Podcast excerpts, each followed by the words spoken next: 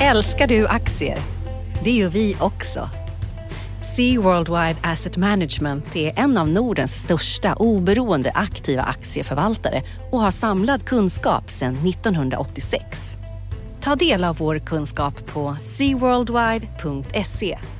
Bokstaven C, worldwide.se.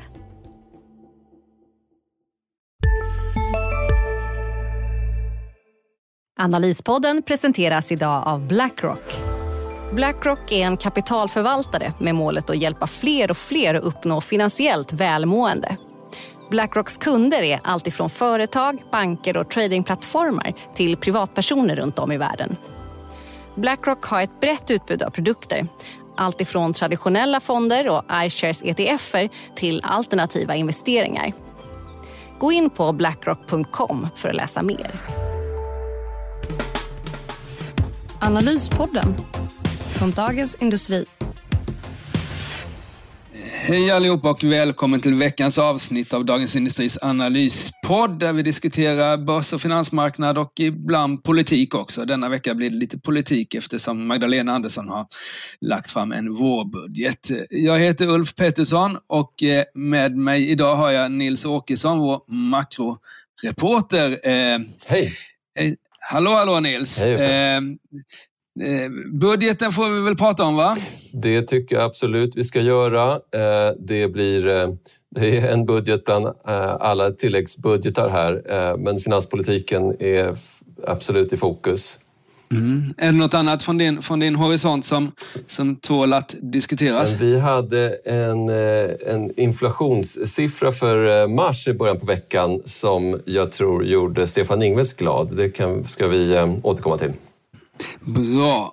Och från min horisont så har det varit en, en mycket händelserik vecka får jag säga. Vi har haft en, en stridström av omvända vinstvarningar inför eh, rapportperioden då som har börjat lite grann men som drar igång på allvar nästa tisdag med Sandvik. Så då får vi väl prata lite om vad som ligger bakom det där. Mm -hmm. Och sen så har vi då rekordnoteringar återigen på börsen både här i Stockholm och USA. Sverige, Stockholmsbörsen är upp 20 procent hittills i år. Det är helt otroligt. Och eh, ja, det är väl, det är väl liksom, det räcker nog för, för vår podd, podd här och nu tror jag. Men ska vi, vad vill du börja med? Det, det vilket var intressantast av Magdalena Andersson och Stefan Ingves? Jo, nej men höjdpunkten i veckan eh, som många lyssnare säkert eh, har eh, noterat också, det var ju då eh, vårbudgeten som vi fick höra om igår torsdag.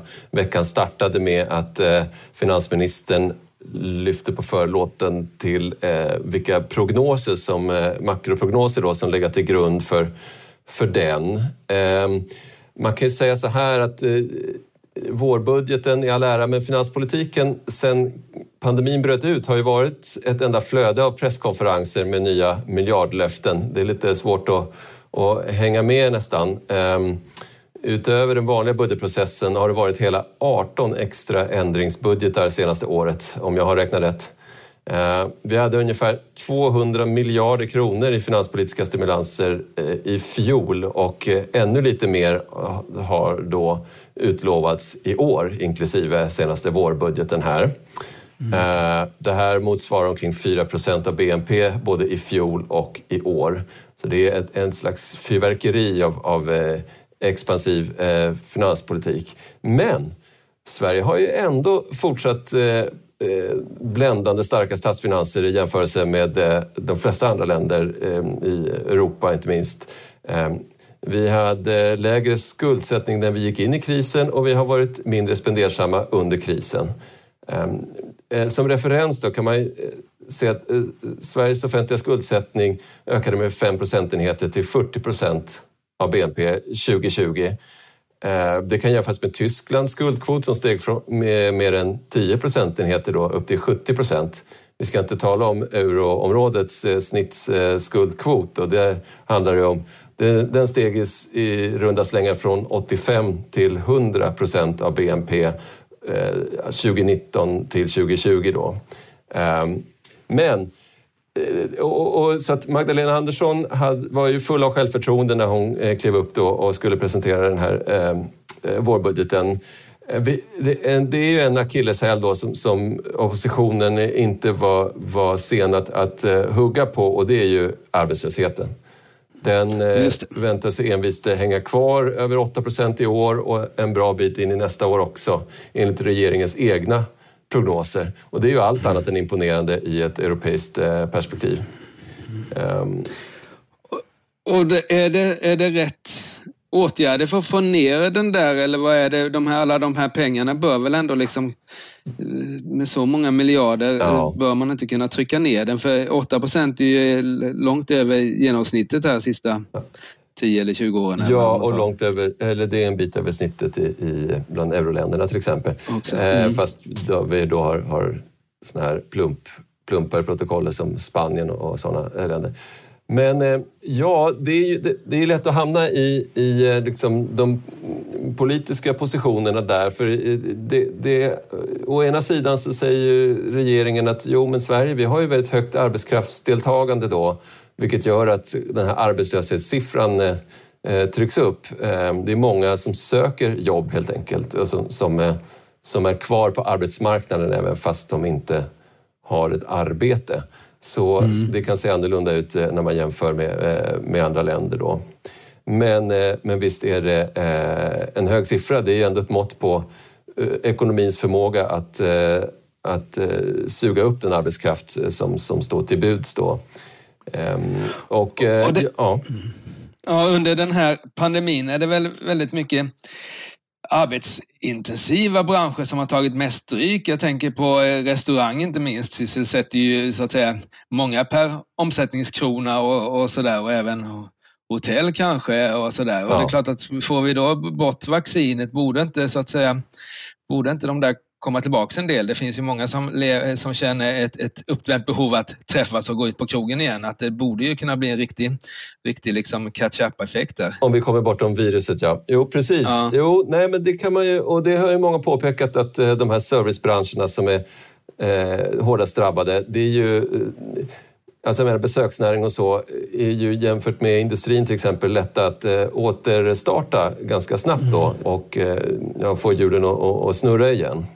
Men jag tänker på den höga arbetslösheten då när vi går in, vi blickar mot eh, nästa år. Eh, det intressanta är ju vart den här finanspolitiken tar vägen för i höst läggs den stora ordinarie budgeten då för valåret 2022. Mm. Eh, då, då har vi en, liksom en politisk dimension i det här också. Då, då ska alla januaripartierna få in sina favoritlöften vilket kommer pressa upp liksom ribban för hur, vad man, eh, hur, mycket, hur många miljarder man, man eh, anser sig eh, ha att spendera. I botten har vi då de här urstarka statsfinanserna ehm, och vi har en ekonomi som går från kris till återstart, men med den här arbetslösheten som är obekvämt hög. Så att ehm, Kom ihåg var ni hörde det först, men eh, jag skulle säga att det här är bäddat för en slags rekord i vallöften och eh, för att inte säga rekord i valfläsk. Eh, oppositionen kommer ju såklart att ta fasta på samma bedömning av vilket budgetutrymme det finns för nya reformer och hitta på egna.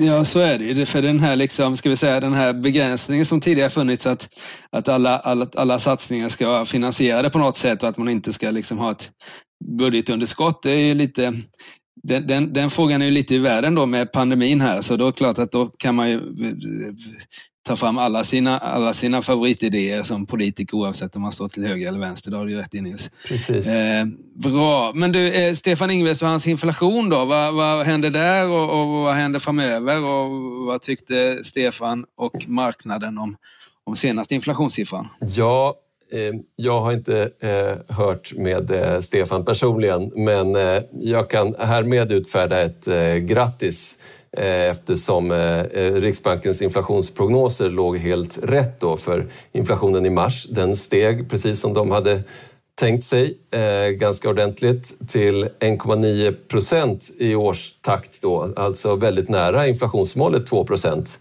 Det här, den här hägrande målet som de kämpar i all sin svett för att, för att Sverige ska, ska uppnå då stabilt och, och på sikt det är ju... Eh, ja, de hade eh, väntat sig en eh, inflation i februari som inte slog in då. Där blev det en rejäl besvikelse. Så nu fick de lite upprättelse för sina prognoser. Och det är viktigt därför att även då man tittar under resten av året och in i nästa år så ligger Riksbankens inflationsprognoser ja, lite högre överlag än vad de flesta andra bedömare eh, har för prognoser. Eh, och eh, att de visar att de hade rätt nu då eh, kan ju vara eh, eh skönt då att de, de eh, faktiskt kan behålla förtroendet för, för, sin, för sin prognos. För att får de här olyckskorparna rätt att inflationen faller tillbaka ännu mer än vad, vad Riksbanken tror. Det är så här, huvudbilden är att eh, under våren här så får vi riktigt het inflation. Den ska upp eh, en bit över, över målet 2 procent eh, redan i april här. Eh, och ehm, eh, det är ju effekter av att vi hade en sån eh, kollapsande priser helt enkelt i, under coronavåren i fjol. Men sen ska inflationstakten snabbt falla tillbaka igen. Men eh, då Riksbanken är, ensam om att, eh, ganska ensam i alla fall, om att tro att det blir eh, ja, en ganska mild tillbakagång, oproblematisk sådan. Blir det värre, då öppnar ju det dörren igen för att man kan tvingas börja fundera på den här minusräntan och så. Men veckans besked alltså att Riksbanken kanske ligger ganska rätt ändå. Just det. Men Tittar man på eh, valutamarknaden exempelvis här så har man ju fått en en senaste eh, två veckorna egentligen en förstärkning av kronan. Mm. Eh, dollarn är nere under 8,50 och eh, även euron har då eh, närmat sig 10 kronor på 10,10 10 nu var väl uppe på 10,30 i alla fall här det är helt logiskt. några veckor sedan.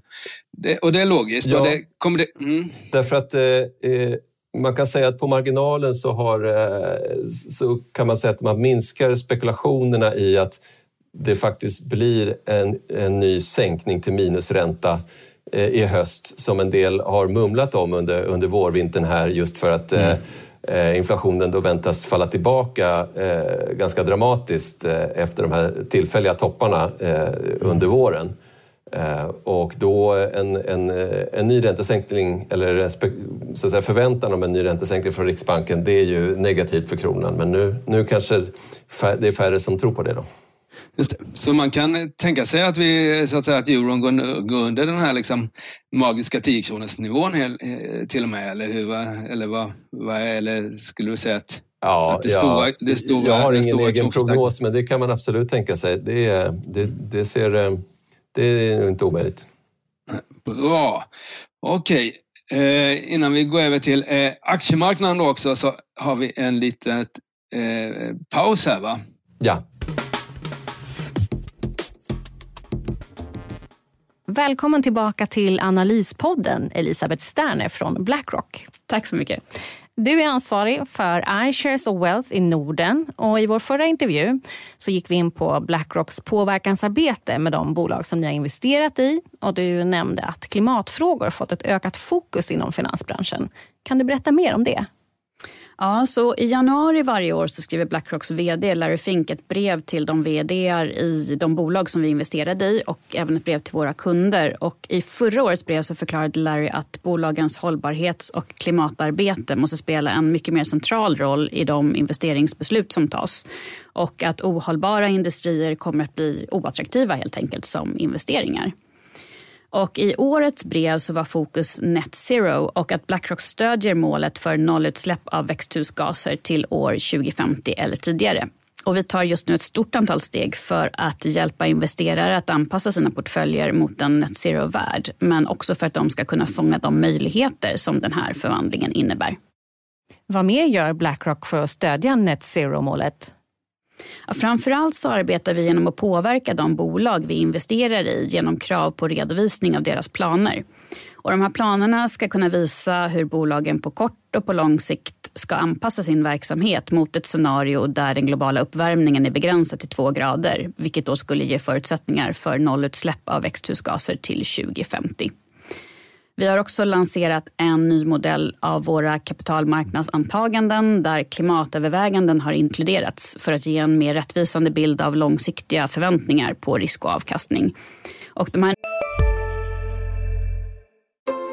Sista dagarna nu på vårens stora season sale. Passa på att göra sommarfint hemma, både inne och ute och fynda till fantastiska priser. Måndagen den 6 maj avslutar vi med Kvällsöppet i 21. Välkommen till Mio. Med en värld i gungning blir det viktigare än någonsin med kunskap och diskussion. Att värna det fria ordet, för livet och demokratin. Så när du trodde att du visste allt, har vi alltid lite till. Privata affärer plus allt. All journalistik du behöver, samlad. Prova en månad gratis. Nya antagandena kommer att utgöra grundpelarna i hur vi bygger portföljer och implementerar lösning åt våra kunder. Och vi anser att marknaden generellt måste bli bättre på att inkludera klimatpåverkan i prognoser kring förväntad avkastning. Slutligen här, vi har talat mycket om klimatrisker, men ser ni några investeringsmöjligheter kopplade till net zero? Absolut. Så precis som vissa branscher kommer att anses vara förknippade med en för hög klimatrisk och därför blir mindre intressanta som investeringar så kommer också den här övergången till en net zero-värld att innebära investeringsmöjligheter inom en rad sektorer som till exempel energi, transport, infrastruktur och jordbruk. Och ett område som är extra intressant eftersom vi idag fortfarande till stor del är beroende av fossila bränslen är förnyelsebar energi. Och vi arbetar kontinuerligt med att söka efter nya möjligheter inom just klimatinnovation på både offentliga och privata marknader. Tack Elisabeth Sterner som alltså är ansvarig för iShares och Wealth på Blackrock i Norden. Tack så mycket. Vi ska prata mer i kommande avsnitt av Analyspodden. Ja, Uffe, om vi eh, lyfter eh, blicken från de här eh, makronördiga siffrorna och tittar på där det svänger kanske lite mer på finansmarknaderna och på börsen. Vad skulle du eh, vilja prata om framför allt? Du nämnde omvända vinstvarningar. Ja, det är väl eh, veckans trend. Eh, ja, nu vet jag inte, det här är fredag förmiddag, det kanske kan dyka upp någon här på e- eftermiddagen också, men det är väl ett, ett tiotal bolag i alla fall eh, på Stockholmsbörsen som har vin, gjort en omvänd vinstvarning. Ingen har egentligen gjort någon vinstvarning, det vill säga varnat för att vinsten ska bli lägre än förväntat, utan det är omvända vinstvarningar som gäller och det är då en omskrivning för att vinsten Eh, förväntas bli högre än vad marknaden har trott eller vad de själva har trott. Och, och sådär. Det är lite, lite olika. Det finns liksom inget, inget regelverk här som, som säger att eh, om vinsten blir si och så hög eller så, si och så mycket högre än förväntat så ska man då skicka en omvänd vinstvarning här. Utan tittar man på Avanza som är ett av de här tio bolagen som, så har de då senaste året, här 2020, så var deras resultat 15 till 30 procent bättre än förväntat varje kvartal. Nu kom de in då 54 procent bättre än väntat och förra året gav de inga vinstvarningar eller omvända vinstvarningar men det gjorde de nu då.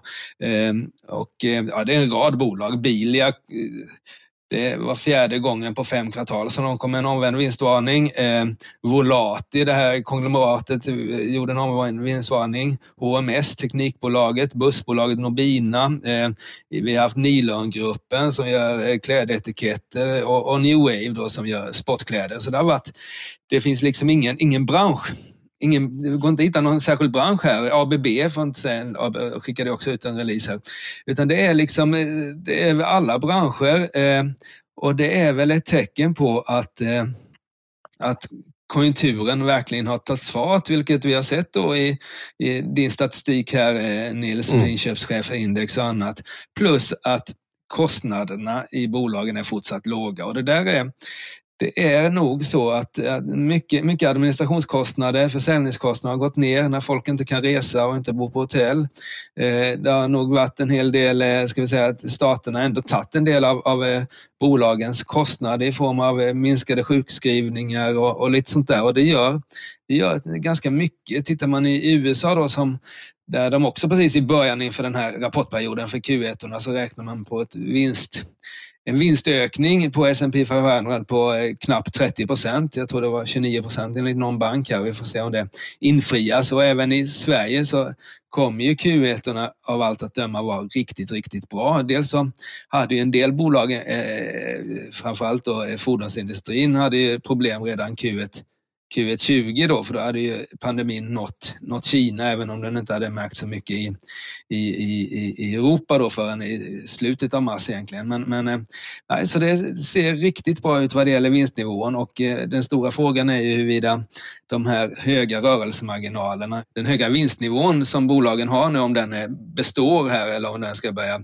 trappa av när, när så att säga, ekonomin går in i ett litet mer normalt läge då, där vi så att säga börjar resa och sånt där igen. Uffe, men ur rent eh, aktieperspektiv här då, den här raddan med omvända vinstvarningar och de här tendenserna du ser, eh, Gör det att man kan förvänta sig eh, då fler positiva överraskningar eh, bland de som, som väntar med att berätta resultaten till själva rapporten? Ja, eh, det där är frågan. Det kan ju också vara så att de som inte gör några omvin, omvända vinstvarningar nu, de, de, har då resultat som inte är så där bra. Annars skulle de ha skickat ut redan nu. Då kan man ju fundera kring. Men, men jag skulle tro att, att vinsterna kommer. Det, jag tror inte marknaden kommer vara besviken på vinsterna. Men sen är det ju så med aktiemarknaden, utan den är ju ganska snabb på att ta ut mycket av segern direkt här. Och Stockholmsbörsen är upp 20 procent i år. En fantastisk eh, första kvartal vi har haft. Eh, och det brukar ju vara så att man ska liksom eh, köp, köp på ryktet och sälj på nyheten lite grann här. Så det skulle inte förvåna att rapporterna är bättre än väntat men kursreaktionen inte blir så där eh, fantastisk eftersom vi redan har haft den här uppgången. Vi har sett det tidiga kvartal hur man, hur så att säga, eh, de första rapporterna mottas väl och sen så blir så att säga effekten mindre och mindre och till slut blir den negativ och det mm. kan väl vara så också. Men eh, som sagt var april är eh, börsens bästa månad historiskt och det ser ut som att även april 2021 eh, är bra, åtminstone så här halvvägs in. Eh, det är väl vad man kan säga. Utan, eh, ja, utan det är, går riktigt, riktigt bra där och eh, bolagen har, har låga kostnader och det är kostnaderna framförallt som gör att det kan dra iväg här. Mm. Vi har haft börsrekord slag i slag. Ehm, inte minst i Stockholm och i USA. Ehm, hur, ehm, hur hett är det här eh, Uffe? Vart, vart, eh, ja, det, vart barkar det egentligen? Ja, men det är ju Ja, det är jättehett. Stockholm, Stockholm är väl extra hett eftersom vår uppgång på 20 procent, det är väl eh, Ja, om det var Vietnam kanske som, som var lite bättre, men annars är tillhör Stockholmsbörsen de absolut bästa börserna i världen i år, så det har gått extra. Här. Och det är hett, alltså det, är, det spelar ingen roll vad man, vad man tittar på, vilka indikatorer man tittar på, så är det superhett. Vi kan ta noteringar på börsen, vi kan ta antalet medlemmar hos aktiespararna, vi kan ta finanstwitter-inlägg, så är det liksom all time high. Eh, Avanzas fantastiska omvända vinstvarning här är ju också ett tecken på att aktiemarknaden är väldigt het. Eh, och den är ju högt värderad enligt eh, historiska mått, eh, riktigt högt värderad. Men, men det som ligger bakom det här är dels att vinst, vinsttrenden är positiv. Eh, Eh, det finns många samband på börsen men det starkaste är väl ändå vinstutveckling eh, och eh, kursutveckling och nu är vinsterna på väg upp och då brukar faktiskt börsen gå bra. När vinsterna är på väg ner så brukar det gå åt andra hållet. Och sen har vi de här räntorna då och trots att BNP, jag vet inte, du kan det bättre, men vad är det, en 5, 5 procent världs-BNP ska öka 2021 så har vi då väldigt låga räntor och det är klart att att eh, då blir det ju aktiemarknaden som, som är intressant. Mm. Eh, men ja, man ska och den är ju stark. Jag tycker man ser på de här, nu har vi inte haft ens liksom 1-2 procents rekyler sista tiden här, men blir det några mindre rekyler så tar det inte många dagar innan, innan den här rekylen återhämtad och vi har nya all time high. Så det finns liksom pengar vid sidlinjen också som bara väntar på att komma in under och få köpa liksom i en rekyl här och det, hur länge det här kan hålla på, det är svårt att säga. Eh, eh, jag, kan, eh, jag kan tillägga där, jag gjorde en spännande intervju i veckan som faktiskt inte är publicerad ännu då. Ehm, förvaltarjätten Pimco där som varnar för just de här inflationstopparna som vi pratade om som skulle komma i, Sverige. Men framförallt i USA då så kan de riskera att dra iväg rejält och det, det, det, vet alla att de ska komma. Men, men överträffar de Eh, de vildaste eh, förväntningarna här eh, i april och maj så räknar de med att då kommer den där turbulensen som alla verkar tissla och tassla om. Ja, jo, och det är klart, men det, det krävs ju att den här inflations toppen även slår igen på marknadsräntorna. Och tar man de amerikanska, den amerikanska tioåringen som är liksom en rikslikare här då så blev ju marknaden lite nervös när den började dra iväg här och toppade på 1,70 någonstans. Men nu, nu har vi ändå tappat så nu är vi under 1,60 här så det, så det är klart att, att det är räntorna, alltså det som kan fälla börsen på kort sikt är ju eh, att, att, att eh, långräntorna tar fart igen. Mm. Framförallt i USA då drar med sig Sverige lite grann men det är USA som fortfarande har en riktig ränta då den är på 1,6.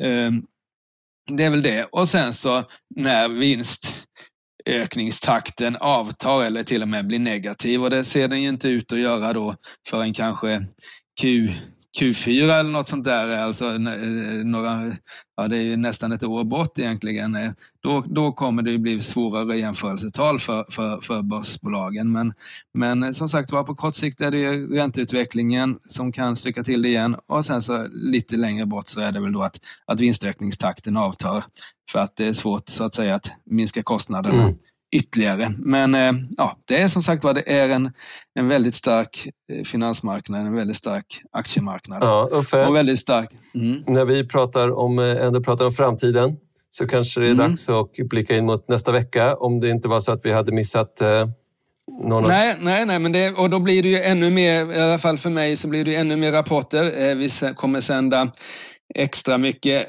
Börs-TV där ska vara med en hel del och vi kommer ibland köra igång klockan sju på morgonen eftersom rapportperioden kör igång på riktigt då. Och eh, huvudnumret eh, eh, är ju då Sandviks rapport eh, som är Tidigare var det alltid SKF som kom först ut bland verkstadsbolagen men nu för tiden är det Sandvik och de kommer på tisdag och det blir ju intressant att se hur, hur, hur, hur den rapporten är och hur den tas emot av aktiemarknaden. Så det blir mycket fokus för mig på rapporten nästa vecka och för dig eh, Ja, jag skulle lyfta fram ju, eh, en punkt egentligen och det är ju eh, ECB, Europeiska centralbanken, då, kommer med ett nytt eh, räntebesked eh, på torsdag.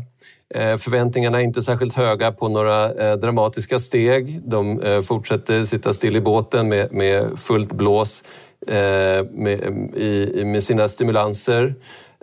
Det man kan fundera på är ju om eh, när, när marknaden å, å ena sidan eh, tittar på amerikanska Fed då och, och funderar på när ska de börja trappa ner sina tillgångsköp? När kommer den där första räntehöjningen? Blir det 2023 eller eh, 2022? Eh, så eh, om man tittar på euroområdet då ligger man ju långt efter med vaccineringar och med, med återhämtningen och inflationen är inte mycket att skriva hem om. Där så eh, skulle jag säga att eh, ECB, eh, det är nästan... Man, ah, tittar man på, på siffrorna på utsikterna, ECB tror inte att de når sitt inflationsmål ens eh, på tre års eh, sikt. Då skulle man ju nästan fundera på varför ECB inte stimulerar mer. Alltså inte, varför sänker de inte till minusränta? Varför ökar de inte obligationsköpen? Om man tittar på vad de själva tror och, och ser. Mm. Och vi får se vad, vad Legard hittar på i nästa vecka helt enkelt. Då. Ja. Bra. Eh, jag tror vi avslutar så och så får vi tacka våra lyssnare för att ni har lyssnat denna vecka också. Och eh, när ni har lyssnat klart på på Nils och mig så får ni gärna lyssna på våra kollegors olika poddar också. Och du har lite koll på dem, Nisse? Ja, vi har ju eh, Digitalpodden från våra kollegor på DI Digital. Eh, vi har Makrorådet från eh, vår nära och kära medarbetare eh, Viktor Munkhammar som man inte får missa. Och sen har vi också den dagliga podden eh, som eh, ger dig eh, full koll eh, på läget inför dagen. Det är alldeles utmärkt det. Och så får vi önska er alla en trevlig helg och eh, njut av helgen innan rapportperioden eh, kör igång. Tack ska ni ha. Hej då! Tack, hej. Analyspodden presenteras idag av Blackrock. Blackrock är en kapitalförvaltare med målet att hjälpa fler och fler att uppnå finansiellt välmående. Blackrocks kunder är alltifrån företag, banker och tradingplattformar till privatpersoner runt om i världen. Blackrock har ett brett utbud av produkter. Allt ifrån traditionella fonder och iShares ETFer till alternativa investeringar. Gå in på blackrock.com för att läsa mer. Analyspodden från Dagens Industri. Programmet redigerades av Umami Produktion. Ansvarig utgivare Peter Fellman.